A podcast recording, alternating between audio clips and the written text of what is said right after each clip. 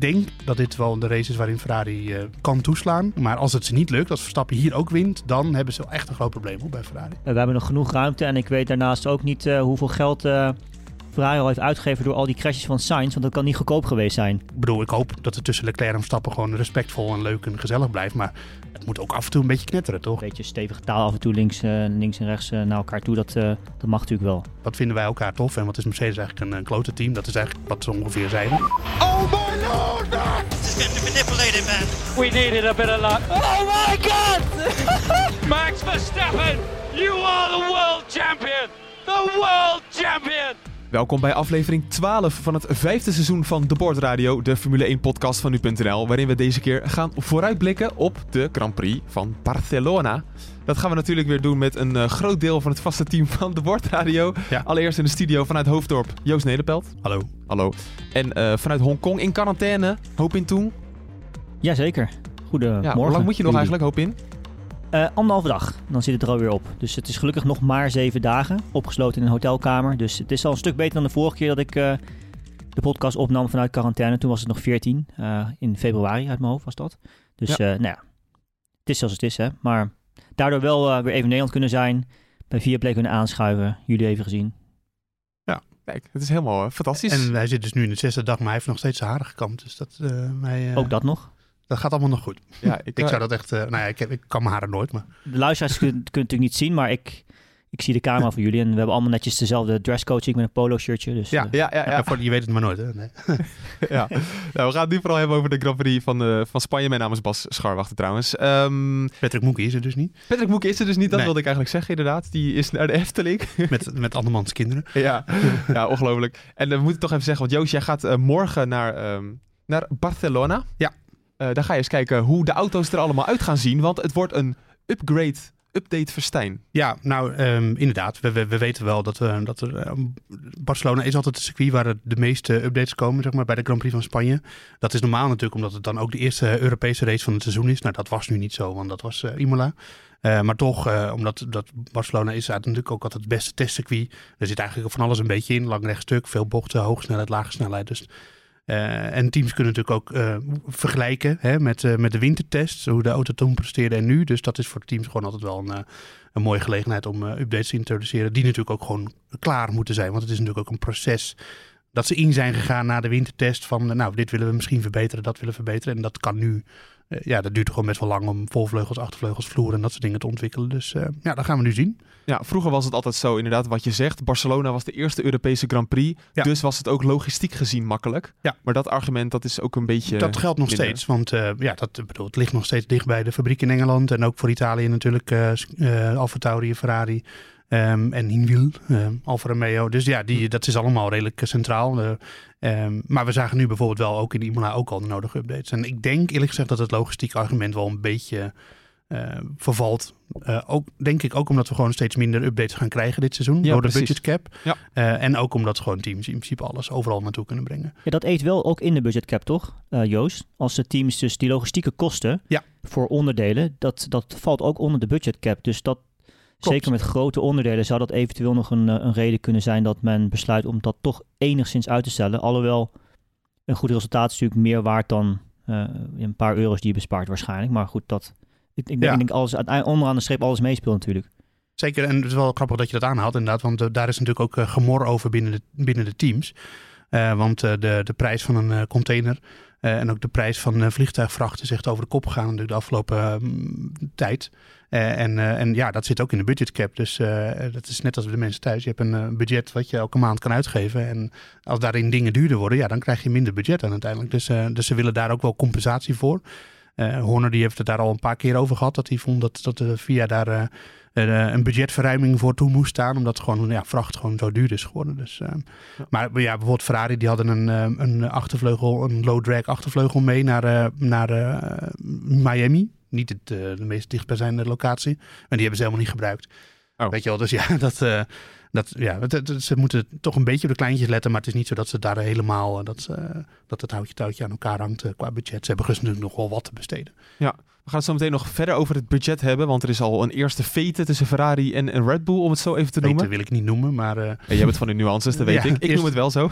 ja, Ehm, eerste discussiepunt. Oké, eerste discussiepunt. Maar allereerst nog even hoop in. eh, wat Joost al zegt, Barcelona is wel de ideale baan om te zien hoe snel de auto daadwerkelijk is. Hè? Omdat alle facetten van de auto daar gebruikt worden. Ja, absoluut. En het is natuurlijk een baan waar veel eh, nou ja, data van aanwezig is bij de vele teams. Ondanks dat de auto's nieuw zijn, heb je natuurlijk veel historische data. Dus veel eh bekende ook over het circuit zelf. Hè. Wat vaak natuurlijk meespeelt is de correlatie die men heeft ehm, eh, met circuitdata en die, wat je ziet daadwerkelijk op de baan in de simulator. Nou ja, Barcelona is redelijk hetzelfde gebleven de afgelopen tijd. Men is bekend met het asfalt. Ze hebben natuurlijk nog getest begin van het seizoen ook nog. Ja. Dus dat zijn allemaal dingen dat je op basis daarvan kun je, kun je gewoon goed door, eh, doorontwikkelen. En ik denk dat dat natuurlijk ook een van de punten is waar we dit, wat we dit seizoen zien. Hè, is dat de teams eigenlijk toch niet zo heel erg happig zijn om constant maar updates uit te brengen. Maar ze willen echt alleen iets uitbrengen als ze er toch zeker van zijn dat het gaat werken. En ja, dat, daar is natuurlijk Barcelona wel de uitgesproken kans voor. Omdat je dus al... Nou, we hebben daar al eerder gereden dit seizoen. eh, tijdens de test in het voorseizoen. En wat ik, wat ik op zich wel weer leuk vond ook om te zien... is dat eh, Ferrari... eh, wat- Joost zei, is een van de teams natuurlijk die... eh, waarvan geruchten zijn dat ze met een grote update gaan komen. Die hebben natuurlijk ook al achter gesloten deuren... een eh, zogenaamde filmdag uitgevoerd. Ja. Op Monza. Ja, op Monza. dus dat is, altijd, dat is altijd mooi. Ik weet het ook uit het verleden. Men eh, filmt altijd. eh, men, men de- declareert als een filmdag. En ik geloof dat je 100 kilometer mag rijden. Ja, op testbanden. Ja. Ja. op demo-testbanden van, eh, van, van Pirelli. Ehm, maar er worden altijd veel eh, onderdelen gefilmd die eh, niet per se nuttig zijn voor mooie beelden, zeg maar.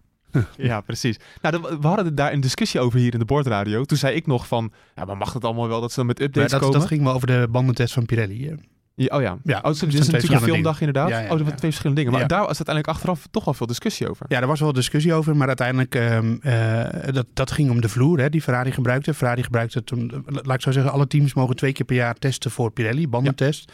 Maar dat mag alleen met een auto die specificatie heeft die al gebruikt is in een Grand Prix of tijdens de testdagen. Ja. Ehm, en eh, bij Ferrari ging toen in de ochtend ging bij Leclerc de vloer stuk. Hm. De Mensen zien het niet, maar ik doe even zo'n eh, Dr. Evil eh, Ja. hè, stuk ging hij. Tussen aanhalingstekens. Tussen aanhalingstekens, dat bedoel ik. Ja, ik zocht even naar het woord. En, eh, en toen smiddags, ehm toen zat er ineens een andere vloer op bij Sainz in de, eh, toen Sainz in de auto zat. Alleen eh, teams dachten toen van, nee, ja, dat mag niet. eh, Je mag niet zomaar een andere vloer eh, gebruiken. Ja. Eh, niet een nieuwe. Eh, alleen Ferrari heeft toch blijkbaar bij de VIA aan kunnen tonen dat het een vloer is die ze al hadden gebruikt bij de wintertest in Bahrein, als ik het goed begreep. Alleen er zit wel nog een addertje onder het gras, letterlijk onder. Want ehm, de, de, de, de- er is een beetje een grijs gebied als je het hebt over wat een specificatie dan precies is. Eh, want hij was in grote lijnen zoals ze hem gebruikt hadden in Bahrein. Maar of hij 100% gelijk was aan zoals ze hem in gebruikt, gebruikt hadden in Bahrein. Of dat er op bepaalde plaatsen bijvoorbeeld dingetjes zaten waar een beetje het porpoising eh, wat terug kan brengen. Dat, ja, dat was toch een beetje onduidelijk. Maar dat, ja, dat is een grijs gebied. En als Ferrari daar gebruik van kan maken, dan kunnen de andere teams er natuurlijk ook gebruik van maken. Het is leuk, als je een team zou hebben dat helemaal dominant is, dan kijkt niemand ernaar. Nee. Maar nu is het allemaal Is zo het- close. Ja, is het spannend. En, dan, eh, en ja, kijk, die, die filmdag waarop in naar verwees, ja, dat mag gewoon. Je mag eh, twee dagen, volgens mij twee keer per jaar mag je dat doen. En al, de meeste teams doen dat natuurlijk voordat de, eh, voordat de, de tests er al zijn hè, met de nieuwe auto. Dat heeft Ferrari ook gedaan op het eigen Fiorano circuit. Eh, en nu deden ze het op Monza, deden ze een filmdag. Alleen ja, daar zat er wel wat onder de... Maar dat mag het gewoon, ja. Eh, dan mag je testen wat je wil. In principe, daar zijn geen, geen restricties. Volgens mij in zekere zin, ja, misschien vast wel een paar, maar je mag best wel wat ge- gebruiken wat je dan nog niet gebruikt hebt. In ieder geval, dat is in ieder geval zeker. Ja, volgens mij mag je de auto gewoon gebruiken zoals je wilt. maar je bent wel beperkt tot het gebruik van, van demobanden. Ja, dat is het vooral. Pirelli. ja. Ja. Dat is natuurlijk een, een groot nadeel, omdat je daar, ja, dat geeft daardoor wat minder relevante data. Maar als je puur bijvoorbeeld kijkt naar aerodynamische onderdelen, je kunt gewoon arrow runs doen. Er zit een soort van, ja, ik noem dat het een, een snelheidslimiet, een cruise control op een auto. Je kan, dat, dat kan je instellen op het stuur en dan gaat hij bijvoorbeeld precies 200 of 250 km per uur. En dan, dan kan je vol gas geven en dan blijft hij, op- dat, daar is dan gemaximaliseerd die snelheid. En dat kan je natuurlijk wel doen. Daar, ja, Ja. Als de constructie van de band in principe hetzelfde is, dat weet je eigenlijk ook niet, maar eh, als dat constant blijft in ieder geval voor zo'n test, dan kun je wel het verschil goed zien. Het, want dat, dat, is altijd, dat gaat altijd om, over, om het woord correlatie natuurlijk. Hè? Dat, eh, dat eh, teams dan in de windtunnel bepaalde metingen verrichten. eh, windtunnel en CFD, dus de, de digitale windtunnel, zoals ik dat altijd eh, maar het makkelijkste noem. De Computational Fluid Dynamics. Zo. Ja, ja, mondvol. Ja. Eh, en alleen, dat is natuurlijk alleen maar theorie in principe. Eh, en je wil natuurlijk dan kijken of die cijfers die je in de theorie haalt, of je die in de praktijk ook eruit haalt. En daar kan je zo'n zo'n filmdag wel voor gebruiken. Zeker zoals op net zei, dat je een vaste snelheid. Ja, dat kan je natuurlijk de situatie vergelijk maken, vergelijkbaar maken met de windtunnel. Ik zeg het nu even in Ja, ja, taal. En als dan de cijfers, de metingen overeenkomen, dan weet je, nou oké, datgene wat we in de windtunnel aan het doen zijn, dat komt in de praktijk ook echt uit. En daar kan je zo'n dag wel voor gebruiken, denk ik. Mhm. En dan Dat kan je dus ook kijken of je update een ja. beetje werkt. En ik denk dat dat dus ook een van de redenen is overigens dat, eh, nou ja, wat, wat Ferrari, dat gerucht van Ferrari in, in, in Imola met die Pirelli bandentest, dat is, het heeft daar natuurlijk ook enigszins mee te maken in de zin van dat als je met andere onderdelen op de auto gaat rijden, heb je niet een constant platform. Dus je kan dan een andere band op de auto zetten om te testen voor volgend seizoen, maar je weet eigenlijk niet of dan de banden beter zijn of dat de auto beter is geworden omdat er andere onderdelen op zitten. Dus ik denk dat dat ook een van de redenen is dat dat natuurlijk... eh, nou ja, kijk, als je het namelijk zou vrijgeven voor alle teams, dat je zegt van die Pirelli-dagen kun je doen wat je wil op de auto ook, dan, eh, ja, dan maak je zo'n testdag voor Pirelli aan zich eigenlijk vrij nutteloos. Ja. Omdat ja, zij hebben geen constant platform natuurlijk op dat moment. Ja, Nee, en voor mensen die zich dat afvragen, bijvoorbeeld waarom Ferrari dan die testdag eh, had van Pirelli en Red Bull niet. Eh, de Red Bull die heeft ook nog twee dagen staan. Die gaan volgens mij uit mijn hoofd één keer testen in, op de Red Bull ring. Eh, en ik dacht één keer in Frankrijk, maar dat weet ik niet om te zeker. Maar die krijgen ook nog twee van die dagen dit jaar. Dus ja, en die hebben, je kon volgens mij zelf een beetje kiezen wanneer je dat wilde als, eh, als team. Of dat hebben ze afspraken over gemaakt met Pirelli. Ja. En ja, dat kwam er zo uit. En, eh, Ja, en dan, daardoor is het ook niet per se een voordeel. Kijk, tuurlijk zou je hem zo vroeg mogelijk willen als je nog problemen hebt. Maar later in het seizoen is het ook weer nuttig. Ja, als je dan bijvoorbeeld later in het seizoen nog een, een update wil doorvoeren, dat kan natuurlijk ook. Dan kan je Ja. dat misschien ook zo plannen dat je die daar een beetje voor kan gebruiken. En datzelfde geldt natuurlijk ook voor die filmdag. Ja. Want die filmdag die heeft Ferrari, maar die heeft, ja, die heeft Red Bull. Red Bull heeft ook nog zo'n filmdag over. Dus die nou, kunnen ze ook nog gebruiken. Dus dat is allemaal gewoon eh, eerlijk. Eerlijk. Nou, interessant om te weten. Nu, ehm, wat ik al zei, er komen heel veel updates aan in Barcelona. Ja. Eh, Joost, jij hebt daar voor nu.nl natuurlijk weer een artikel over geschreven, een analyse. Hij is nog niet helemaal af, maar inderdaad. Oh, sorry. Ja, Nou, nou. Hij is af eh, als dit online komt. Ja, precies. Ja. Eh, spoiler. Ja. Ehm, de allereerste, laten we bij Red Bull even beginnen. Ja. Maar wat gaan ze nou daadwerkelijk meenemen? Nou, ik, heb mijn artikel eigenlijk geschreven over wat, wat teams überhaupt allemaal mogen veranderen. Ja. En hoe dat dan zit met welke restricties er eigenlijk zijn. Da- Daar gaat het over. Dus ik heb niet, want ik weet simpel nog niet wat de teams gaan doen. nee, maar er zijn geruchten natuurlijk. Er zijn geruchten, Daar ben je van ja. op de hoogte. ja, ja, nou, ik weet alleen dat Red Bull, die, ze zeggen dat ze met, met updates komen, maar wat dan precies, dat weten we niet. Eh, wat we alleen wel zeker weten is dat de Red Bull nog te zwaar is. Ja. Die zit nog niet aan die 798 kilo, die, eh, die limiet die je eigenlijk op wil zoeken, de, het minimale gewicht wat je moet hebben. Ehm, dus ik, ik denk dat de, de focus van Red Bull vooral daarop legt. Ja. Eh, want ja, eh, ge- gewichtsverlies, dat maakt de auto gewoon sowieso op welke baan dan ook sneller. Ja, dus er waren al, eh, de Telegraaf had al geschreven dat het iets van 4 kilo af zou gaan. Ja. Ik las Duitse media 7 kilo. Ja, nou ja, en van Ferrari, eh, als we daar dan gelijk even naar doorgaan, als we het over gewicht hebben, dan Ja. weten we dat Ferrari had een soort van eh, finishlaag nog over de lak heen. Ehm, en die, die schijnen ze nu weg te laten, want dat, dat zie je alleen op tv eh, en, eh, als die erop zit. Ehm, ja, dat, is- dat, is- dat is wel een grappig fenomeen. Dat weten mensen vaak niet, maar denk ik. Maar de, de kleuren op de auto die zijn eigenlijk zo ingericht dat ze vooral op tv goed overkomen. Ja. Ik vind dat trouwens bij de huidige Ferrari helemaal niet goed gelukt, want hij Nee. is veel te donker op tv. Precies. Maar ze hebben er dus nu nog een soort van laklaag afgehaald. Want lak is gewoon gewicht. Dat kan echt eh, een paar kilo zijn. Ehm, ja, en als je dus met het gewicht er nog boven die 798 kilo zit. Ehm, ja, dan, is, dan helpen dat soort dingetjes. Dus daar is Red Bull mee bezig. Sowieso bij Ferrari weten we dat er veel meer aankomt. Eh, een smallere sidepod is het verhaal. Italiaanse media. Eh, een grotere achtervleugel in dit geval. En die heb je op Barcelona heb je gewoon zoveel mogelijk downforce nodig. Dus eh, ehm, Maar smallere sidepot, dan denk ik meteen aan de Mercedes. Maar zo heftig gaat nee, het niet nee, zijn nee, nee. natuurlijk. Het- dat concept blijft hetzelfde. Hij, hij, hij zou iets smaller worden. Oké. Ja, ik denk dat je dat kan vergelijken met de verandering, als mensen dat nog weten, tussen Barcelona, of nee, eigenlijk in Bahrein is Red Bull naar de, op de derde dag naar een iets kleinere sidepot gegaan. Ja. Ik denk dat je daarmee kan vergelijken. Oké. Gewoon de lucht in de laad Ja, wordt gewoon En dan kleiner. waarschijnlijk een, een andere vloer bij Ferrari om het porpoising tegen te gaan, want daar hebben Ja. zij natuurlijk nog best wel veel last van, hè? de aerodynamische gestuiter. Ah, sterker nog, het- beeld van de Ferrari op Spanje, dat zorgde ervoor dat wij kennis konden maken Ja. met porpoising. Ja, zij waren, nou ja, het ze waren- stuiteren en hobbelen van de ze waren auto. niet de enige, maar bij hen kwam het het duidelijkst in beeld. Ja, zeker. Ik krijg wel eens, voor- wie was het Kenneth van der Zalm over op Twitter, dat we het steeds over purposing hebben, in plaats van dat we het gewoon over stuiteren en hobbelen moeten hebben. Ja, maar purposing is toch een veel interessanter woord. Ik bedoel, en het, het draait uiteindelijk allemaal om het interessant doen. Dus eh, ik kan wel zeggen stuiteren, maar dat, eh, dat is ook zo platvloers. Nee, Ja. purposing. Ja, ja de CFD Ja. in plaats van gewoon de windtunnel. Ja, Ja, ik, ja, ik, ik ik snap waar je naartoe gaat. Ik vind het beste om te beschrijven, om, het is eigenlijk gewoon een ongecontroleerde beweging. Zo kun je Ja. het eigenlijk het beste zien, hè? Ongecontroleerd stuiteren of hobbelen. Ja.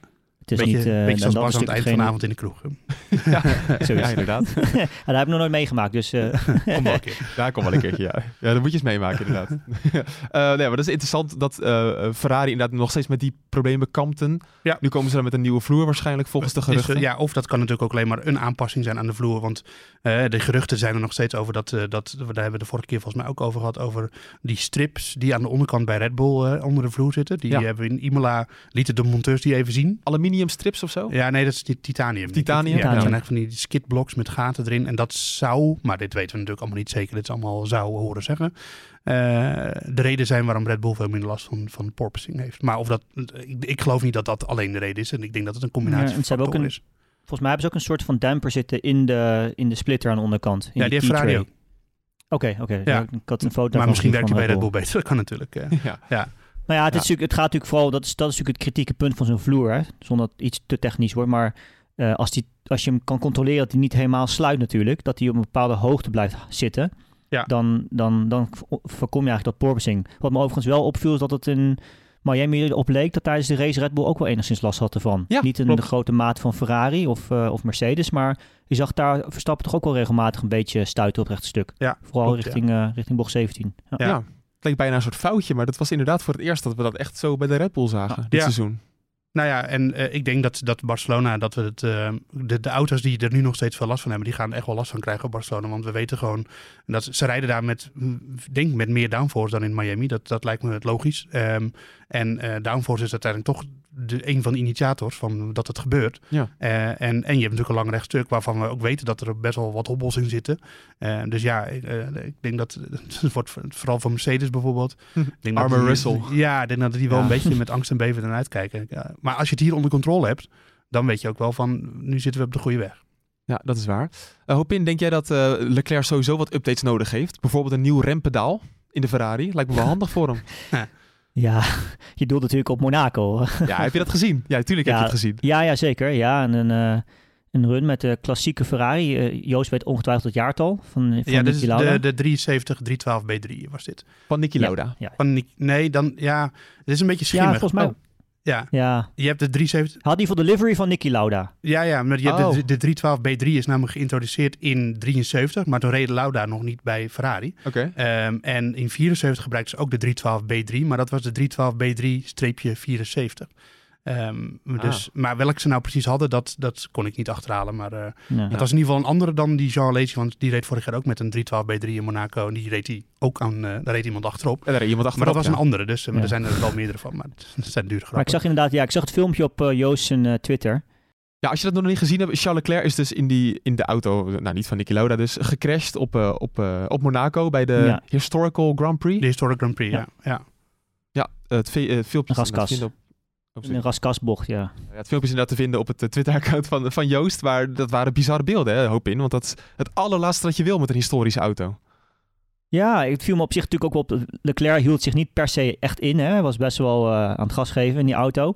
Ja. En toen ik het voor het eerst zag, dacht ik, "Oeh, dat ziet er een beetje raar uit. En toen ik het nog een keertje bekeek, dacht ik van, oh, misschien is er... Wat je vaak hebt bij wat oudere raceauto's, is dat als je hard over een curbstone rijdt, eh, wat hij natuurlijk deed in het zwembad, dat was duidelijk te zien. Wat er dan gebeurt is eigenlijk dat door die vibratie, dat eigenlijk de, tussen de schijf en de, en de eh, remblokken, dat de zuigers van de remklauw een soort van worden teruggeduwd in de, in de remklauw, even simpel gezegd. Dus als je dan op het rempedaal trapt, dan heb Ja. je eigenlijk eerst het moment heb je helemaal niks van, van druk.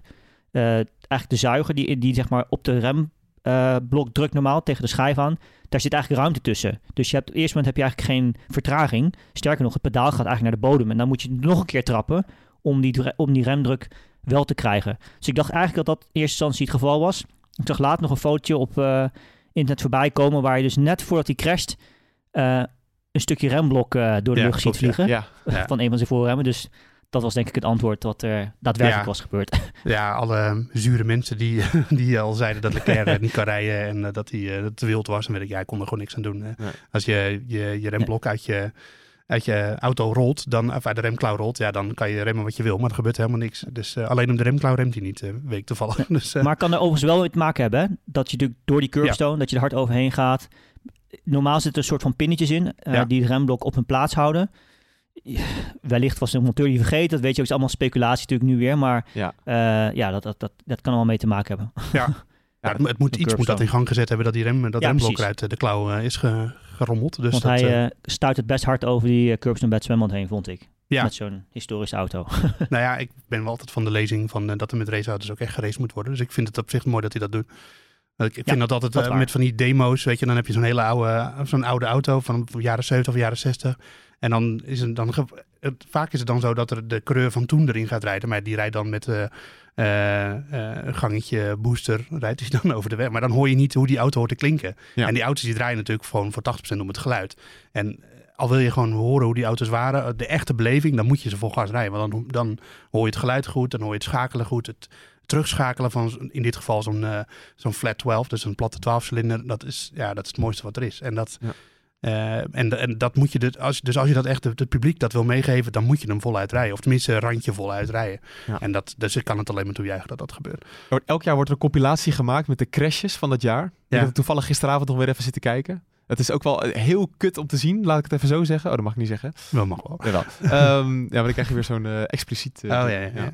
Nou, piep. Ehm, eh, dat die oude, oude auto's allemaal zo crashen, dat het ziet er echt ongelooflijk triest uit. Ja. Maar het hoort er wel een beetje bij, want ze zijn echt aan het racen. Ja, ja als, je, als je met auto's gaat racen, dan ga je met auto's crashen. Dat is Ja. een soort wetmatigheid. Dus, Ja, ik weet er Ja. alles van. maar je kan die dingen, kan je, ja precies. Je kan die dingen, kan je, ik bedoel, in dit geval, die schade was wel herstelbaar hoor, bij, bij die auto van, waar Leclerc mee ging. Het is niet zo dat hij klaar is voor die auto. Nee, want kan je dat gewoon nog... Want je hebt niet een nieuwe achtervleugel ergens liggen, toch?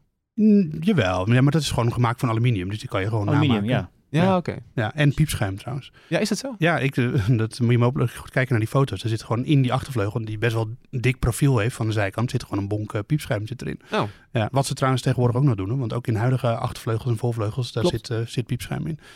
Oh, dat De buitenlaag is carbon, maar aan de binnenkant zit eh, piepschuim. Ja. Om die vorm goed te houden natuurlijk. Super licht. En sterkte te geven ook. Ja. Oh, wat grappig. Ah, fijn. Weer terug naar het hedendaagse. Oh ja, het hedendaagse, het he- hedendaagse gedoe. Want er is ook een beetje een strijd tussen Ferrari en Red Bull. We hadden het er net al even over. Over updates. En vooral over ehm, hoeveel geld hij eraan mag uitgeven. Ja. Ferrari heeft gezegd van nou, Red Bull is ondertussen wel flink aan het spenden. Ja, En die, die zijn al aardig aan het limiet aan het komen. ja eh, dat zeggen zij. En Red Bull die zegt eh, helemaal niet. Wat een onzin. Wat een Ja. onzin. Maar dat zei Helmut Marco, die, eh, die had er al op gereageerd. Laten we zo zeggen, het even goed vertellen. Matteo Benotto, die zei, van, die, die zei volgens mij de afloop van Miami van... Ja, we weten dat we een gat moeten dichten op, op Red Bull. Maar zij hebben ook al best wel veel updates gedaan. En Ja. wij nog veel minder. Wat optisch gezien klopt. En, en, en zijn verwachting is dus dat Red Bull niet zoveel meer kan doen. En dat Red Bull, of dat Ferrari dat gat nog kan dichten. Omdat die nog ja, speelruimte over hebben. Maar ja, Red Bull ontkent dus dat zij al eh, te veel hebben uitgegeven om nog. eh, en, en ja, dus dat is de, de, de vraag: wie spreekt de waarheid? Maar het was natuurlijk een soort van romance hè, tussen Red Bull en Ferrari. En oh, wat, is het, wat leuk dat Mercedes er niet bij zit. Ja. Zo, zo moet je dat eigenlijk zien. En eh, wat vinden wij elkaar tof? En wat is Mercedes eigenlijk een, een klote team? Dat is eigenlijk wat ze ongeveer zeiden. Ja. Eh, en, en, en nu, maar nu beginnen ze toch ook, ja, nu zijn ze met elkaar in de strijd. En dan vroeg of laat, weet je, er komt wat, er komt wat gemor over en weer. En dit was eigenlijk het eerste waarvan je dacht van, nou, ze beginnen elkaar nu een beetje verbaal uit te dagen. Ja, wat hoort- ook leuk is. Hoort er toch ook een beetje bijhoop in, in de racewereld? Nee, eh, ik vond de reactie van de Dr. Marco op zich ook wel mooi van Red Bull. Dat hij natuurlijk zei van, eh, nou ja, eh, we hebben nog genoeg ruimte. En ik weet daarnaast ook niet eh, hoeveel geld eh, Ferrari al heeft uitgegeven door al die crashes van Sainz. Want dat kan niet goedkoop geweest zijn. Nee. Ja. ja. Heeft hij daar een eh, punt? Want ik zat ook te denken, ja, leuk al die updates van Red Bull. Maar als je een, een, een deel van de auto afschrijft, dat, dat loopt ook in de papieren. Ja, absoluut. Ja. Absoluut, ja. ja. Het is wel zo, ik, ik moet even, want ik weet dat aan ieder onderdeel zit natuurlijk een soort van label, een stickertje. Ehm, en dan pas als ze hem inzetten, wordt die pas gebruikt in eh, het budget. Klopt dat, Joost? Zeker. Ja, Alles- dus in alles is principe is zo dat ze met... Ja, alles is genummerd. Dus in principe moet men natuurlijk wel zoveel mogelijk onderdelen produceren om, het, eh, om, om de auto te kunnen eh, runnen. Dus pas als het vervangen wordt, dan moet je het inderdaad wel gaan betalen. Dus als je een crash hebt, Ehm, zoals Sainz natuurlijk een paar keer heeft gehad dit jaar. En ik denk dat die in eh, Miami niet goedkoop was, omdat dat natuurlijk in de betonnen muur was. En dat, reg- dat ja, richt altijd veel schade aan. Ja. Eh, ja, dat gaat wel flink in de papieren lopen natuurlijk. Ja. Maar goed, uiteindelijk is het wel zo, en dat moet je natuurlijk wel zien, dat door de bocht genomen dat eh, de productiekosten van een onderdeel, die zijn natuurlijk relatief klein ten opzichte van de kosten die daar verbonden zijn om het geheel te ontwikkelen. Hè? En dan praat ik natuurlijk over alle kosten van engineering, eh, ontwerp, eh, testen in windtunnel, CFD, noem maar op, al die, al die zaken. Dat, dat is natuurlijk wat het onderdeel en wat Formule 1 heel kostbaar maakt. Als je puur een onderdeel moet maken volgens de mal of eh, het- hetgene wat je eigenlijk al hebt, dat ja, de, de, de, de marginale kosten zijn niet enorm. Nee. het zo stellen. Dus in, in, in zekere zin, als je gewoon dingen kan reproduceren, zoals bijvoorbeeld Ferrari gaat denk ik het hele seizoen wel dezelfde voorwielophang gebruiken. Nou, als je vooral ziet wat er bij, bij Sainz stuk stuk was in Imola en ook in Miami, dan is dat de voorwielophang. Ja, dan zit daar niet weer, weet je, dat is anders dan een update. Ja. En, en ik weet ook dat ik het heb gezien bij, bij, bij Red Bull in de fabriek, daar hebben ze ook gewoon een hele afdeling die onderdelen restaureert. En dan heb ik het ook over voorvleugels. Voorvleugels waarvan je denkt van, nou, die zijn niet meer te redden, maar ja, een paar nieuwe eh, elementjes erop en een nieuwe wing-end plate en hij doet het gewoon weer. Dus ehm, ja, dus, het, bedoel, ze zijn ook gerust wel zelf mee, bezig met hoe je die kosten natuurlijk een beetje kan drukken. Ja, maar heeft Pinotto in zijn verhaal een punt? Want ehm, het gaat natuurlijk wel een belangrijke rol spelen. Het is voor het eerst in, nou, volgens mij ooit, denk ik, in de Formule 1 dat we dit zo hebben. Ja, Echt een, nou, een budget de- cap. Nou, ja, laat ik zo zeggen, vorig jaar was de budget cap natuurlijk ook al. Maar dit is voor het eerst dat we echt eh, compleet nieuwe auto's Ja, eh, hebben met de, die ontwikkeld zijn binnen die budget cap. En die ook eh, moeten worden geüpdate onder Ja. de budget cap. Dus dat is wel, dat is, eh, dat is voor het eerst. Ja, vorig jaar had het natuurlijk ook, maar dan had je al een auto die al grotendeels af was Precies, natuurlijk. ja, dat is een andere situatie. Kijk, Binotto, die, eh, ik zal nooit vergeten dat ik, eh, dan ga ik heel even terug naar Barcelona, net voor corona. Toen had namelijk Mercedes het DAS-systeem. Oh ja, en toen vroeg ik op, bij de testdagen op woensdag aan Binotto of Ferrari ook eens aan zo'n systeem had gedacht. En toen zei hij nee. En toen vroeg iemand anders dat op vrijdag nog een keer aan hem. En toen zei hij ja, ja, we zijn wel eens mee bezig geweest.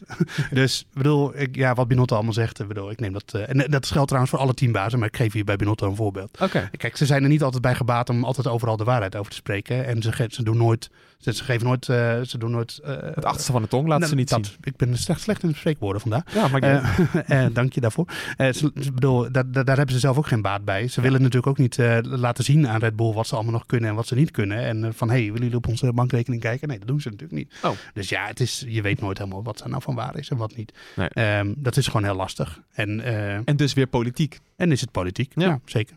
Ook wel wat leuk, dat het sport Ja. ook wel weer leuk maakt. Nou ja, het geeft ons wat om over te schrijven, toch? Ja, zo is Ja, het. zo is het ook. Ja. Anders hebben, we, anders hebben we geen podcast te vullen. Ik, ik, ik, eh, ik bedoel, vorig jaar tussen Mercedes en Red Bull ging het te ver. Eh Dan Ja. vond ik het op een gegeven moment gewoon kinderachtig worden. Echt kinderachtig. Maar een beetje venijnen, dat hoort er gewoon bij. En dat maakt het alleen maar leuk, toch? Ik, Ja. eh, ik bedoel, ik hoop dat het tussen Leclerc en Verstappen gewoon respectvol en leuk en gezellig blijft. Maar het moet ook af en toe een beetje knetteren, toch? Ja, dat, bedoel, dat is toch een emotie, is een element eh, wat de sport mooi maakt, vind ik. Ja, ben ben je het daar maar eens, hoop in? Dat het wel een klein beetje mag Ja. knetteren? Ja, absoluut. Sport is natuurlijk emotie. Hè? En dat hebben we natuurlijk vorig jaar op verschillende momenten gezien. En kijk, als het te ver gaat en zeker als er nou ja, echt eh, momenten zijn dat dat leidt tot crashes op de baan, eh, vind ik dat niet mooi. Nee. Eh, maar daarnaast een beetje stevige taal af en toe links, links en rechts naar elkaar toe, dat, dat mag natuurlijk wel. Ja, ik zei, ja, sport, sport is emotie en dat draagt alleen maar bij aan, de, nou ja, aan het, eh, het spektakel dat Formule 1 toch is, vind ik. Ja, nou, zo, het knettert dus al een klein beetje tussen Red Bull en, eh, Ja, en ja, Ferrari. dat wil jij heel graag. Maar nu valt het nog mee. Maar dat is een soort van eh, Ja. inleidende beschieting, zo zie ik het. Ik zocht nog een leuke ko- kop voor de podcast. ja, Als je nou ja zegt, dan kan ik hem Nee, gebruiken. van knetteren is nog geen sprake. Maar Nee. het, het- kijk, wat je, natuurlijk, wat je vaak natuurlijk moet vergeten, zulke, zulke uitspraken worden natuurlijk ook vaak gedaan onder het mom van dat men toch een soort van de FIA wil aansporen van hey, misschien moeten jullie dat wel in de gaten gaan houden. Ja, tuurlijk. Ja. Het is, ze en dat is natuurlijk vaak, eh, het is niet zozeer dat ze elkaar proberen te bestoken, meer van eventjes, eh, net, ja, net als een voetballer die op het, op het, op het veld een scheidsrechter probeert en iemand anders een gele kaart eh, aan te smeren. Ja. ja, maar dat was toch vorig jaar al Dus, met die eh, flexwings van, oh, dat buigt wel door en er nog Ja. niks mee gedaan. Nou ja, Hamilton is daar helemaal een meester in. ja, Dus die kan, die kan het, dat spelletje zo goed spelen. ja. Dat vind ik, dat vind ik fantastisch. Ja, nee, ik bedoel, Binotto, die, ehm, Eh, uiteindelijk zegt hij dat natuurlijk ook om een reden. En, eh, die, want dat is ook een beetje het schimmige. Dat we, we weten dat die budgetcap er is, maar we weten niet precies hoe dat nou gecontroleerd wordt. En ehm, ik denk dat dat de komende tijd alleen maar meer een thema van gesprek gaat worden. Eh, maar, maar ja, teambazen zeggen nooit iets zonder reden. We zagen het ook rondom, waar we het eerder al over hadden, die test van Ferrari. Dat alle andere teambazen ook van die, eh, nou ja, ja, Zack Brown, die zei van, ja, Ferrari heeft in 2019 ook, eh, dus ja. Ja, ja, Eh, ja. dat ga je dan krijgen. Ja, dat, dat is toch een beetje. eh, dat is een politiek spelletje en dat maakt het alleen maar leuk. Ja, interessant om, eh, om te zien. Ehm, nu heb je het over testen, Joost. Eh, wie er dit weekend ook gaat testen. Voor het eerst in de Ja. Formule 1. Überhaupt eh, iemand die zijn debuut maakt in de Formule 1. Nick de Vries. Nick de Vries. Yes. Yes. Nou ja, de situatie is als volgt. Kijk, eh, twee, teams moeten twee eh, trainingen per jaar moeten ze gebruiken om eh, een rookie een kans te geven. Ja. Eh, en Moet, moet Red Bull dat ook? Ja, dat moet Red Bull ook. Ik weet eerlijk gezegd niet wie zij daarvoor gaan inzetten, maar eh, ze moeten dat wel doen. Maar dan gaat Lawson, Liam Lawson bijvoorbeeld in de auto van Verstappen rijden. Dat Op de is theoretisch mogelijk. Ja, ik denk niet dat het Liam Lawson wordt, maar eh, Dennis Hauger. Maar Oh, dat kan ook nog. Ja, dat denk ik. Maar dat zou ik doen als ik Helmut Marko was. Maar ik ben niet Helmut Marko. Nee. Ehm, eh, maar in ieder geval, we hadden het over Nick de Vries. Dus dat moet, dat moet Williams dus ook doen. En ja, kijk, het komt natuurlijk wel te midden van wat geruchten. Daar moeten we eerlijk over zijn. Eh, die geruchten draaien vooral over Nicolas Latifi. Die, ik zal niet zeggen, vaker in de muur staat dan dat hij er langs rijdt. Maar het scheelt niet veel. Nee. eerlijk zijn. Er een hoop klappertjes gemaakt dit seizoen. ja. En eh, we weten ook dat Nicolas Latifi eh, afkomstig is van een zeer rijke familie. En dan zeg ik met nadruk familie, want volgens mij zijn zowel zijn vader als moeder succesvolle zakenmensen. Zijn moeder is toch rijker dan de vader? Ehm, Dat wordt wel eens dat- gezegd. Ik heb niet dagelijks inzicht in hun financiële situatie, maar dat verhaal heb ik ook wel eens gelezen. Ja, Oh, ik dacht dat je helemaal in de boeken was gedoken. van de familie eh, Latifi. Ja. Anyway, eh, dus die, die betalen natuurlijk fors omdat eh, dat Nicolas daar mag rijden. Met, met een koffiemerk, toch? ja, maar Lavazza is volgens mij niet van hun hoor. Maar dat Oh, is, zij zitten vooral in de voedingsindustrie. Dus trekken ook misschien makkelijk sponsors aan. Ik denk Ja. maar dat Sofina, wat achterop staat, Ja. dat is wel van de familie Latifi. Weet ik toevallig. Ja. Anyway, ehm, dus ja, maar ja, dat geld heeft Williams misschien niet helemaal meer nodig. Want eh, eh, ze hadden- stonden natuurlijk jarenlang slecht voor, konden die miljoenen goed gebruiken. Maar nu zijn ze overgenomen door Doraton Capital, vorig jaar al. Dat is eh, natuurlijk die Amerikaanse investeringsclub. Eh, en die willen vooral, denk ik, resultaten. En die ga je niet bereiken met Nicolas Latifi. Dus en misschien je- wel met Nick de Vries. en misschien wel met Nick de Vries. En, Ja. en, en je moet natuurlijk ook niet. Nick de Vries komt natuurlijk uit de Mercedes cluster. En Williams gebruikt niet alleen de Mercedes motor, maar tegenwoordig ook de versnellingsbak en de achterwielophanging. Dus ja, dat is, er zijn nauwe banden. En eh, volgens mij Toto Wolff heel graag dat Nick de Vries op de, de grid komt. Nou, dit is een kans. Ja, eh, ben je daar enthousiast over, hoop in? Want eh, jij zit, komt natuurlijk uit het racewereldje. Jij kent Nick de Vries al een tijdje. Mhm. Eh, wat vind je ervan? Ja, ik vind het fantastisch nieuws. Ja, hè? ik denk, Nick die heeft natuurlijk echt wel zijn sporen verdiend in de autosport. En eh, verschillende kampioenschappen gewonnen. Ehm, Formule 2 natuurlijk kampioen geweest. eh, Formule, regerend Formule E kampioen. En ja, ik zei, hij heeft heel veel werk verricht ook voor, eh, en nog steeds, voor Mercedes. Simulatorwerk. Ehm, dus ja, hij weet, hij is wel helemaal volledig van op de hoogte hoe, je, hoe deze auto's werken. Hoe je ze ook moet rijden. Want dat, in principe leert dat ook gewoon in de sim. Eh, dus ik denk dat hij, ja, ik, ik kijk er heel erg naar uit om hem te zien rijden. Hij is, het is meer dan verdiend. Hij is een fantastische rijder. Eh, ik heb ook tegen hem geraced in het eh, World Endurance Championship toen hij voor Racing Team Nederland reed. Ja. Eh, waanzinnig snel. En ja, ik denk dat dat die fantastische toevoeging zou zijn op de, op de grid. Maar vooralsnog natuurlijk maar één vrijdag. Maar wie weet kan het tot meer leiden. Want ik zei, ik denk dat hij, eh, dat hij relatief snel op snelheid zou zijn. Vanwege zijn ervaring die hij heeft met, met Mercedes. Ja, precies. Dat is al heel handig. Heb je ook een beetje een inzicht Mhm. wat voor type coureur de Vries nou is eigenlijk? In welk opzicht bedoel je dat? Nou ja, ik, ja inderdaad. eh, hoe, hoe bedoel ik dat? is hij meer een Senna of meer een Prost? Zo. dat zijn altijd de, de, de, de metingen. ja, dat is een goeie, ja. Ja. Eh, ja, nou ja, van het moment dat ik tegen hem heb geraced in het WEC, eh, weet ik dat hij, nou ja, hij was fenomenaal snel over één ronde. Oké. En dat is natuurlijk ook watgene wat heeft bijgedragen aan zijn succes in Formule 2. Want ja, dat speelt daar natuurlijk ook een, een hele belangrijke rol. Ja. Ehm, en Formule E ook. Hè. Formule E, eh, vooral op de straatcircuits is het vaak lastig om in te halen. Ehm, dus ja, ja, complete coureur. Ehm, kan ook gewoon slim en bekeken eh, een race rijden. Dat hebben we natuurlijk op vele momenten ook gezien. Dus het is niet alleen snelheid. Ik denk tegenwoordig zeker als je nu kijkt naar Formule 1, ehm, hè, zoals de huidige Formule 1 auto's natuurlijk ook zijn. Je kan niet eigenlijk iedere ronde pushen of op de limiet rijden. Nee. Eh, je rijdt eigenlijk wel op de limiet, maar op de limiet van de grip, zoals we het zeggen. Dus ehm, om toch een beetje nou ja, alles te sparen, hè, vooral banden. Dus eh, je moet als coureur zijnde toch wel een soort van ja, slim, bekeken, met gevoel rijden. Eh, en dat zie je natuurlijk ja, ook vaak bij eh, die andere Nederlander in de Formule 1, bij Max Verstappen. Die, dat, dat, wat, dat, dat, dat vertaalt zich dan in hoe goed je band eigenlijk eh, kunt houden tijdens een race. En, en dat, ja, dat heb ik bij hem ook wel een paar keer gezien. Dus dat, ja, wat ik zei, voor een hele complete coureur gewoon. Denk je sowieso dat zijn Formule E-ervaring, want dat, is, dat draait natuurlijk ook veel om bekeken rijden en sparen wat je hebt. Wel iets anders dan banden, maar dan, eh, dat, dat, dat dat kan helpen? Ehm, ja, omdat je natuurlijk in de Formule 1 heb je natuurlijk een beetje hetzelfde. Dat je ook eh, op je brandstofverbruik moet letten. eh, over een gehele race gezien. Het is iets minder kritiek dan eh, bij Formule 1 natuurlijk het geval is. Maar het, het, principe van het coasten, dus het, zeg maar het einde van het rechtstuk dat je eigenlijk een, nou ja, even kort rolt zonder dat je gas geeft of remt. eh zulke soort dingen, dat, dat, dat speelt allemaal mee. En dat is iets wat hij al wel gewend is. En wat ik al zei, dat ja, hij heeft zoveel kilometers gemaakt bij Mercedes in de simulator. Dat hij, eh, ja, hij is, het, het voordeel voor hem is natuurlijk dat Natuurlijk zal de Williams anders zijn qua eh, stuurwiel en eh, bepaalde systemen die ze hebben. Maar ja, wat je al aangaf, eh, Joost, dezelfde krachtbron ligt erin. Dus eh, veel dingen zullen ook wel hetzelfde zijn wat dat betreft. En het gevoel, ehm, hoe de motor bijvoorbeeld zijn vermogen afgeeft, eh, daardoor natuurlijk ook. Ja. Dus Williams is alleen het enige team met het eh, dashboard in de monocoque en niet in het stuur. Ja, Klopt. En dat vind Nog ik eh, steeds. merkwaardig altijd. Maar eh, ja. ja. Het is wel grappig. Nu ook wel leuk dat de Williams dit seizoen heel veel problemen heeft in de kwalificatie. Eindigen bijna altijd in Q3. Eh, s- vaak ook met z'n tweeën. Eh, dat is ook wel, als je zegt dat hij heel snel over één ronde is, hoop in. Dat zou de Williams ook wel lekker uitkomen. Eventueel. Misschien wel weer met een andere auto. Maar wel Dat is lekker. op zich ook wel weer. Kijk, dat is op zich wel grappig dat je dat zegt. Hè? En dat is iets waar we natuurlijk de vorige podcast ook enigszins over hebben gehad. Dat, dat is een beetje het lastige van dit seizoen. Kijk, over het algemeen is het namelijk zo dat als je een auto hebt die veel downforce, neerwaarts druk produceert, dat je minder last zou hebben van bandenslijtage. Nou, als we kijken, zouden we dus zeggen dat de Ferrari over het algemeen eh, meer neerwaarts druk heeft. Dus die zou in theorie minder bandenslijtage moeten hebben. Dat is dus niet het geval. Ze hebben veel meer last van graining. Eh, dus dat zit natuurlijk ook in andere zaken. En, en andere zaken waarin dat zit, is natuurlijk bijvoorbeeld de stijfheid van je hele veringsplatform, even, om het even simpel te zeggen. Ja. Ehm, en vooral qua damping. En wat je dan vaak ziet, is dat wat je eigenlijk bij wat, daarom kom ik terug nu naar Williams. Als je een auto hebt die relatief stijf is en die hard band bewerkt, zorgt dat ervoor dat je in de kwalificatie natuurlijk veel beter je band in het juiste operating window weet te krijgen. Dus je eigenlijk veel makkelijker klaar kunt krijgen om die optimale grip die in zo'n band zit als die nieuw is, om die goed te benutten. Maar dat heeft natuurlijk wel tot gevolg dat je daardoor in principe meer slijtage hebt. Ja. Hè, want je, je, je geeft uiteindelijk meer energie aan die band. Ehm, natuurlijk kun je dat als coureur goed beïnvloeden. eh, met de mate hoe, hoe agressief je eigenlijk een band opwarmt.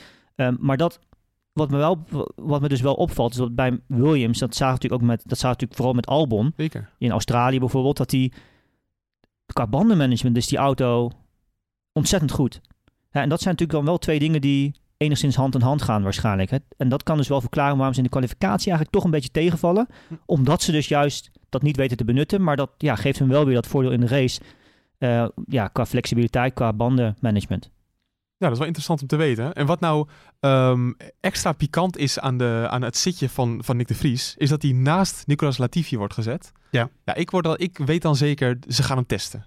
Nou ja, Want als de Vries net zo snel is als Latifi, dan weten ze al genoeg. Die, ik denk dat ze dat eigenlijk dat ze daar die test niet voor nodig hebben. Oh. Nee, dat denk ik oprecht. Ik denk dat ze gerust wel weten dat, dat, dat de Vries sneller is dan Latifi. Oké, Ja. Er is natuurlijk gewoon een financiële reden waarom Latifi in die auto zit. Dat is, dat is de reden. dat is ook zo. En als die financiële reden minder belangrijk wordt, ja, dat, dat is, maar dat is de grote vraag. Dat is de hele grote vraag rondom deze kwestie, denk ik. Als zou, al weet je zeker dat Williams die miljoenen van Latifi niet meer nodig heeft, dan zit de Vries straks in die auto. Ja. Of, of volgend seizoen, dat zou kunnen, of dit seizoen al. Ehm, want je weet natuurlijk niet hoe het contract van Latifi in elkaar zit. Nee. Ehm, maar als Williams denkt van, nou ja, het is toch wel lekker dat we één coureur hebben die, eh, weet ik veel, eh, 25 miljoen meebrengt. Ja, dat eh, op een budget van 145, ja, dan, dan is het natuurlijk een ander verhaal. Eh, dat is de grote vraag en die, eh, ja, die wordt pas beantwoord als ze een beslissing nemen. Dan weten we namelijk hoe dat in elkaar zit. Ja, het is echt klassiek voorbeeld. Hè? Echt tussen, kies tussen de coureur met gewoon kwaliteit of met geld. Ja, alleen je kan natuurlijk wel nog ook erbij eh, berekenen dat Latifi eh, het leuke is als hij 20 miljoen meeneemt. Ik noem maar een getal, ik weet niet hoeveel het is, maar Nee. stel dat is het. Maar hij rijdt ook voor eh, 18 miljoen schade per jaar. Ja, dan hou je de per saldo vrij weinig aan over. Ja. Eh, en eh, het- hij is hard op weg.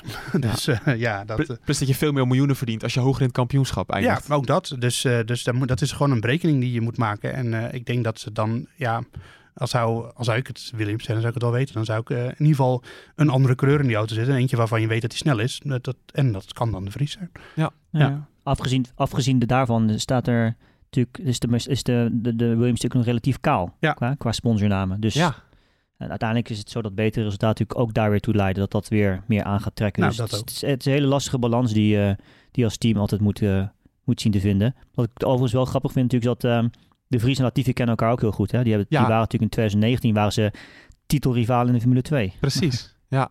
En eh, Nick de Vries wa- was, hield zich altijd goed staande in het jaar waarin nog eh, Lando Norris, George Russell, eh, Albon erin reden. Ja, kijk, dat is natuurlijk. Je, je, je, kijkt, je wordt altijd een beetje vergeleken met, de, met je generatie. Ja. Ehm, en ehm, ja, dat, laat ik zo zeggen, rondom de Vries heeft nooit, zeker in die categorieën, nooit dat, dat, dat, ongelofelijke die hype gehangen die bijvoorbeeld wel rondom Verstappen hing, Ja. die wel rondom Leclerc hing. Ehm, maar ja, je kan natuurlijk ook gewoon eh, in, in de Vries een ander soort coureur zien. Een, een, een laadbloeier bijvoorbeeld, of een, een dieseltje die wat, wat moeizamer op gang komt, maar Ja. als hij op gang is, dan wel heel goed is. Eh, ik denk dat hij ontzettend veel ervaring heeft opgedaan. En, maar dat eh, is toch ook de kritiek altijd in de Formule 2. Van leuk dat je in je derde jaar presteert. Ja, maar, maar je moet gelijk laat. in het Ja. eerste jaar laten zien. Ja, kijk, Leclerc eh, die werd natuurlijk in zijn eerste jaar bij Pre- wel bij Prema, maar de Vries heeft ook bij Prema gereden. Ja. Ehm, eh, werd hij meteen kampioen. Kijk, dat, ja, dan staan alle, zijn alle ogen op je gericht. En, en de Vries heeft dat in de Formule 2, hij is natuurlijk al kampioen geworden, maar wel ja, laat. En dat, maar dat hoeft niet te betekenen dat hij uiteindelijk langzaam is of zo. Het is alleen Nee. hoe snel pak je dingen op. En, en, maar dat is ook in de Formule 1 is dat belangrijk, weet je wel. Dus dat is... eh, misschien is het traject dat hij nu, eh, en hij komt nu op deze manier in de Formule 1 en hij heeft inderdaad eh, Le Mans eh, auto's gedaan, het WEC gedaan. Ja. Hij heeft eh, eh, Formule E ervaring, hij heeft heel veel simulator ervaring bij Mercedes. Als hij dat ook allemaal als bagage meeneemt, dan is dat voor hem misschien wel de juiste route dat hij dan zo in de Formule 1 komt. Het wel een hele aparte route zijn. Omdat je nu heel erg ziet aan de jonge generatie. Een beetje door Verstappen misschien wel gekomen. Ja. Die worden meteen in die auto gezet. Ja, het doet een beetje denken aan Brandon Hartley, denk ik, die ook een beetje zo'n route verliep. Oh ja. Ja, Ja. ja. goed, dat liep in de Formule 1 natuurlijk niet goed af. Maar Pascal dat, Weerlijn ook. Ja, is wel iets anders. Maar, ja, met vergelijkbaar inderdaad. Ja. maar jongens die ook gewoon... Ik, ik denk dat coureurs die wat meer ervaring ook een andere klasse hebben, dat dat helemaal niet slecht hoeft te zijn. Nee. Integendeel, zeker. Dus eh, Interessant om te weten. Eh, nog even hierbij blijven, want eh, de huidige Formule 2 kampioen, dat is eh, Oscar Piastri. Ja. Eh, toptalent. Iedereen is daarvan overtuigd. 100%, Die gaat ja. het hartstikke goed doen in de Formule 1. ja, maar dan Sterker moet hij nog, wel gaan rijden.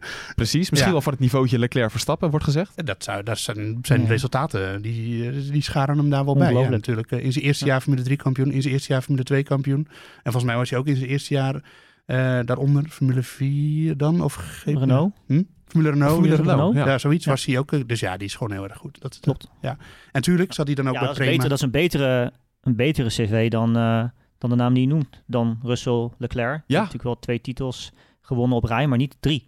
Nee. Dus het is echt wel... eh, Ah. Ja, ontzettend bijzonder. Toptalent. Alleen het probleem is dat Alonso eigenlijk een beetje zijn, zijn stoeltje bezet houdt Nou, dat... bij Alpine. Want hij is een, een, een Alpine-coureur. Hij zit in het, eh, bij Alpine, staat hij onder contract. Ja, maar eh, Alonso die rechtvaardigt dat stoeltje toch nog wel. Dus eh, Jawel. ja. Ja. Maar dat is wel, je wil zo snel mogelijk Piastri in de Formule 1 krijgen. Ja. En er zijn nu geruchten dat, dat Alpine, eh althans het is volgens mij ook een soort van bekendgemaakt, dat ze rondom de Britse Grand Prix daar wel iets over willen gaan zeggen. Ja. Hoe het gaat zijn. Nou ja, ze hebben gewoon problemen, want ze hebben gewoon geen klantenteams. En dan heb je gewoon veel minder invloed. Maar aan, aan, uiteindelijk is het bijvoorbeeld eh, Red Bull ook gelukt om Albon bij Williams te binnen te krijgen. Dus dat Ja. kan wel. Ja. Maar Eh. eigenlijk zeg je dus als, als Piastri van eh, Red Bull was, dan had hij natuurlijk al lang in een eh Ja, natuurlijk. Alfa Tauri gereden. Ja, 100 procent. Ja, Ja. ja. Maar dat hij, dus hij zit eigenlijk bij het verkeerde team. Ja. pech, pech voor Piastri. Maar ja, hoe, hoe moet Alpine dat gaan oplossen, hoop in? Je kent het team een beetje. Nou ja, het is moeilijk. Ik, ik- ja, je zag natuurlijk ook met Joe, hè? Joe die nu bij Alfa Romeo rijdt. Die zat natuurlijk ook in hetzelfde Alpine Academy. Ja. eh, toen hij in de Formule 2 reed. Ehm, en ja, ik, ik, ik vind aan de ene kant is natuurlijk ontzettend jammer dat eh, Piastri niet rijdt. Want ik denk dat het een, echt een mega talent is. Eh, tegelijkertijd, ja, je kan Alonso eigenlijk haast niet uit de auto zetten nu. Want die doet het zo ontzettend goed. En buiten het feit natuurlijk dat hij, dat hij de naam heeft... ehm, ja, laat hij toch ook regelmatig gewoon echt ook on alle hoeken van de baan zien. En dat is toch wel, vind ik persoonlijk vond ik best wel verrassend. Ja. Eh, maar dat maakt natuurlijk de beslissing voor, voor Alpine ook niet, niet gemakkelijker in dit geval. Ehm, en ja, dus het is lastig. En ik denk dat je natuurlijk. Het is- best wel een interessante discussie. In, in die zin, ik, ik moest laatst denken bijvoorbeeld aan eh, Pierre Gasly. Die natuurlijk wel weliswaar rijdt voor Alfa Tauri, maar toch een soort van een gelijk situatie. Van, want hij kan, als hij niet kan doorstromen naar Red Bull Racing, wat, wat gaat hij dan doen? Dan moet hij eigenlijk haast weg bij de organisatie Ja. om een andere kans ergens anders te zien pakken. En misschien is dat voor Piastri natuurlijk ook het geval, dat hij weg moet uit de Alpine Academy. Maar ja, wij hebben natuurlijk ook geen idee hoe zijn eh, overeenkomst eruit ziet. Ehm, want uiteindelijk heeft dat Joe natuurlijk ook de kans gegeven, plus whatever eh, hij aan de sponsoring meebrengt, om bij Alfa Romeo in te stappen. Dus ja, misschien is dat wel de route. Maar dat, is- ja, dat, dat zou ik niet weten verder. Nee, en aan de andere kant moet je ook, ik bedoel, Piastri rechtvaardigt ehm, zijn, zijn, zijn resultaten verrechtvaardigen gewoon een stoeltje in de Formule 1. Maar je, de meeste Formule 1 coureurs die zijn er ook op die manier ingekomen, ook omdat ze gewoon goed waren.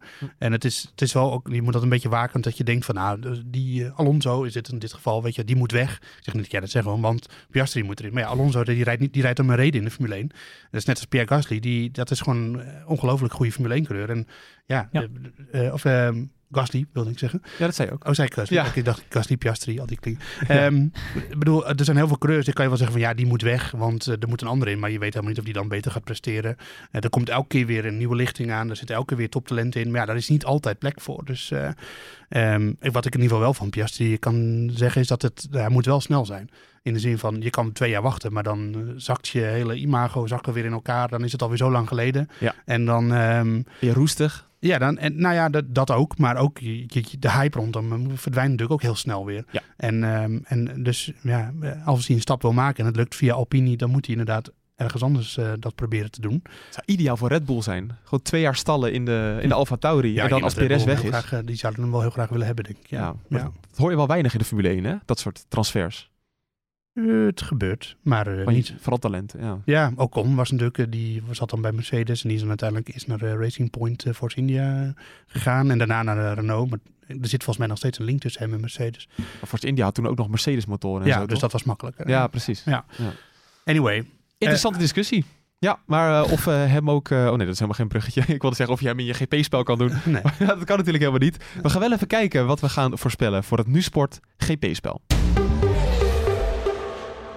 Ja, want het wordt natuurlijk weer eh, hartstikke spannend wie wij eh, op het podium gaan voorspellen in het GP-spel.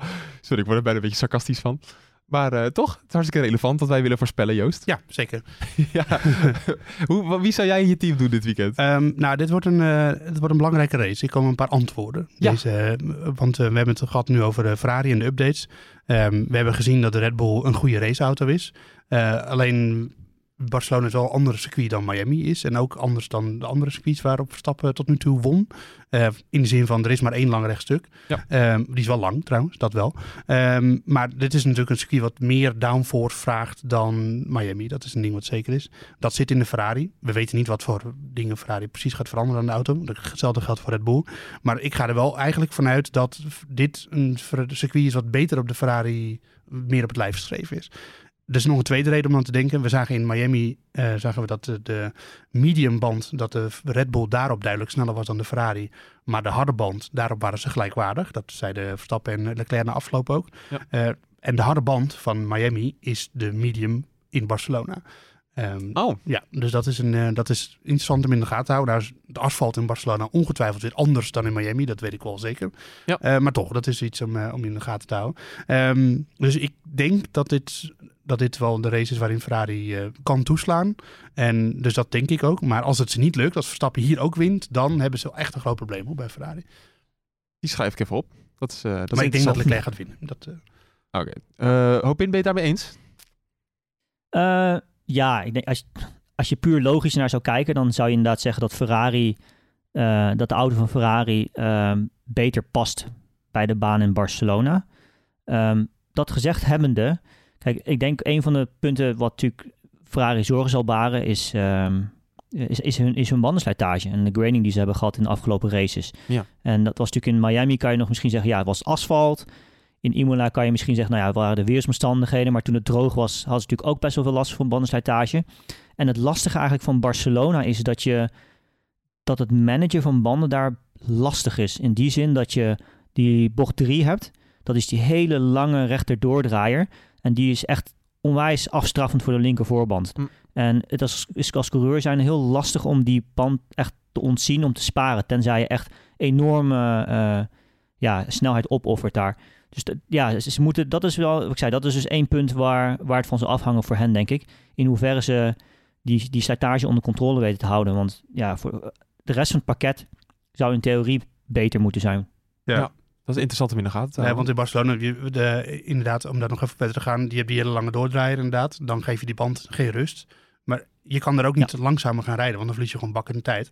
En dan eh, heb je een combinatie ehm, bochten en dan komt die doordraaier bocht 9, die bovenop. En daarna volgt ook nog een rechtstuk. En die moet je ook gewoon volpakken, want anders verlies je ook nog die tijd op het rechtstuk. Dus je hebt, eigenlijk dat bedoel je denk ik ook op in, dat je gewoon weinig tijd hebt om die band daar rust te geven. En Ja, ja een bocht 3 is sowieso natuurlijk een- is een bocht die heel veel eh, nou ja, eh, eh, temperatuur en veel, veel energie geeft aan de linker voorband. En dan heb je eigenlijk maar een heel klein stukje tussen bocht 3 en bocht 4. mhm. die ook weer een hele lange rechte doordraaier is. Op, op, op, op, de, op de plattegrond ziet het er misschien niet zo uit, maar die, die blijft echt best wel lang, door, lang doordraaien voor je gevoel, die bocht, als je in de auto zit. En ja, het is vooral die tijd die een band vaak geeft om te herstellen, dat die, die paar graden temperatuur weer omlaag kunnen gaan. Eh, wat helpt om een band eh, nou ja, te, te managen. En, en, ja, en dat is iets wat op Barcelona wat minder, eh, ja, eigenlijk niet goed gaat daardoor. Ja. En dat, is vooral, dat komt vooral door die sector 1. Natuurlijk is het ook wel zo dat je bocht 9 hebt, wat je zei Joost, opkomen rechte stuk. Maar daar speelt het iets minder, omdat je toch een wat minder lang... nou, die, die bocht is gewoon wat minder lang. Ja.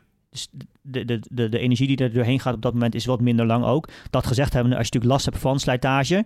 en je gaat daar veel onderstuur krijgen in bocht 9... verlies je natuurlijk ook wel weer relatief veel... door het rechtstuk wat achterna komt. Ja, wat ook nog een. DRS-zone is. Dus, eh, Ja. Ja. Ja, en eh, traditioneel is eh, de derde sector altijd eh, het meetmoment voor Monaco. Hè? Dat als teams die daar heel sterk zijn, dat, dat je dan kan Ja. verwachten dat die in Monaco het heel goed gaan doen. Dat, Vol- Volgens Olaf Mol ooit gezegd als, als Verstappenland 2016. ja. ja, maar Verstappen heeft echt wel een heel ander soort auto. Dus Nu wel, ja. ja. Ehm, Gaat veranderen. hè? De, de, ik zag een interview met de circuitdirecteur, geloof ik, of baas daarvan. Die zegt ze gaan nu na deze Grand Prix gaan ze eh, de. Je hebt zeg maar nog een MotoGP-bocht. ja, klopt ja. Dus zonder de Dat chicane. was, vroeger was Mhm. dat ook gewoon een Formule 1 bocht. Precies. Ja. Maar die is nu nog niet eh, Grade 1 Nee. eh, Dat gecertificeerd. komt door de uitloopzone, die is, die is te klein daar. Ja. Precies. En je hebt nog de, de, de, de zijkant is niet goed genoeg nog. Het is niet veilig genoeg voor de Formule 1. Nee, precies. De- als ze daar zouden crashen. Ja. Ja. dus dat willen ze gaan oplossen met Tech Pro barriers en eh, allemaal dat soort dingen. En dan gaat die hele langzame chicane, die, eh, die gaat er dan uit. Precies. Dat is Ja. het- de verwachting voor volgend jaar in ieder geval. Ja, dat zou het wel iets beter maken, denk ik. Want dan kan je ook makkelijker inhalen aan het eind van Past beter bij de huidige auto's. Ja. En de inhalen aan het eind van het rechtstuk kan je dan ook makkelijker. Dus dat, eh, omdat je dan gewoon beter aanloop hebt. Want nu, dat, dat is natuurlijk, was natuurlijk ook de basis onder de overwinning van Verstappen in 2016 daar. Dus dat hij gewoon elke keer die laatste chicane, dat hij daar hele goede tractie uit had. En dat Rijkonen er daardoor nooit bij kon komen. Nee. En dat, dat is de reden waarom het altijd nog wel weer moeilijk inhalen. Het kan hoor, in Barcelona, maar het is altijd wel moeilijk inhalen daar. Ja, maar met Ja. die lange doordraaien kan het wel eh, leuker worden. Ja, maar die zitten nu nog niet in. Dus Nee. eh, Nee, nu nog niet. Eh, maar goed, Joost, als ik jou hoorde qua voorspelling. Ferrari 1 en 2. Nee, Wordt ik het denk zo nee, dominant? ik denk dat Leclerc nu gewoon eh, dat het weer een duel wordt tussen Leclerc en Verstappen en dat, eh, dat Leclerc die, eh, Leclerc die gaat winnen. Oké. En ja, Sainz eh, thuisrace, ehm, maar ik weet niet, Sainz, er zit gewoon zoveel tegen dit seizoen en dat, ik weet niet, hij zit gewoon niet op het niveau van Leclerc momenteel. En misschien komt hij daar ook wel nooit, dat weet je niet. Hoop in. Wat denk jij? Ja, weinig aan toe te voegen. Nou, makkelijk. ik ben het met Nou, hem dat eens. eh, dan, dan kan hier van, geen van beiden jullie zeggen na de race van ik had gelijk. En we zeggen dan allebei.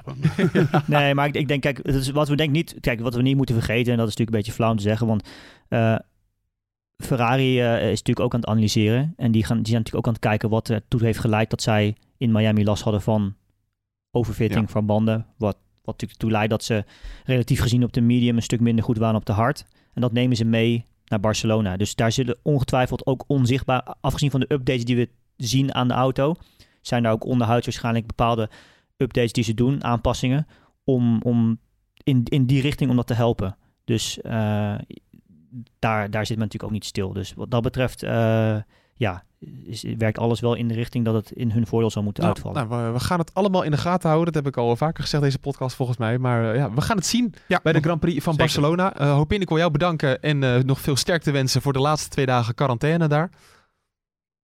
Ja, nou, komt, eh, komt vast helemaal goed. Komt Joost, goed. ik wens jou veel plezier eh, op je vlucht richting Barcelona en alle verslaggeving daar. Yes. Eh, dat kan, allemaal, kan je allemaal volgen natuurlijk op het Nu Plus blokje. Ja. Dat is een apart blokje op nu.nl onder de sportrubriek. Waarin je analyses, eh, diepgaande stukken kan lezen ja, rondom dat Grand Prix weekend. Op Ja. Van de pen van Joost Nederpelt en Patrick Moeken. Ja. Dus dat is interessant om in de gaten te houden. En En, eh, hoop in natuurlijk. Hè. hoop in, ja. Ja, zeker. Ja, zeker. Opgete- opgetekend door Patrick. Opgetekende Patrick, als hij terug is uit de Efteling. Ja. ja. Eh, en dan eh, ja, rest mij alleen nog maar te zeggen dat wij er dus zondagavond weer zijn. En dan is je die podcast ook zondagavond weer te vinden. En anders maandagochtend in de ochtendspits natuurlijk op nu.nl of jouw favoriete podcast app. Ik zou zeggen, tot dan. Tot dan. Tot dan.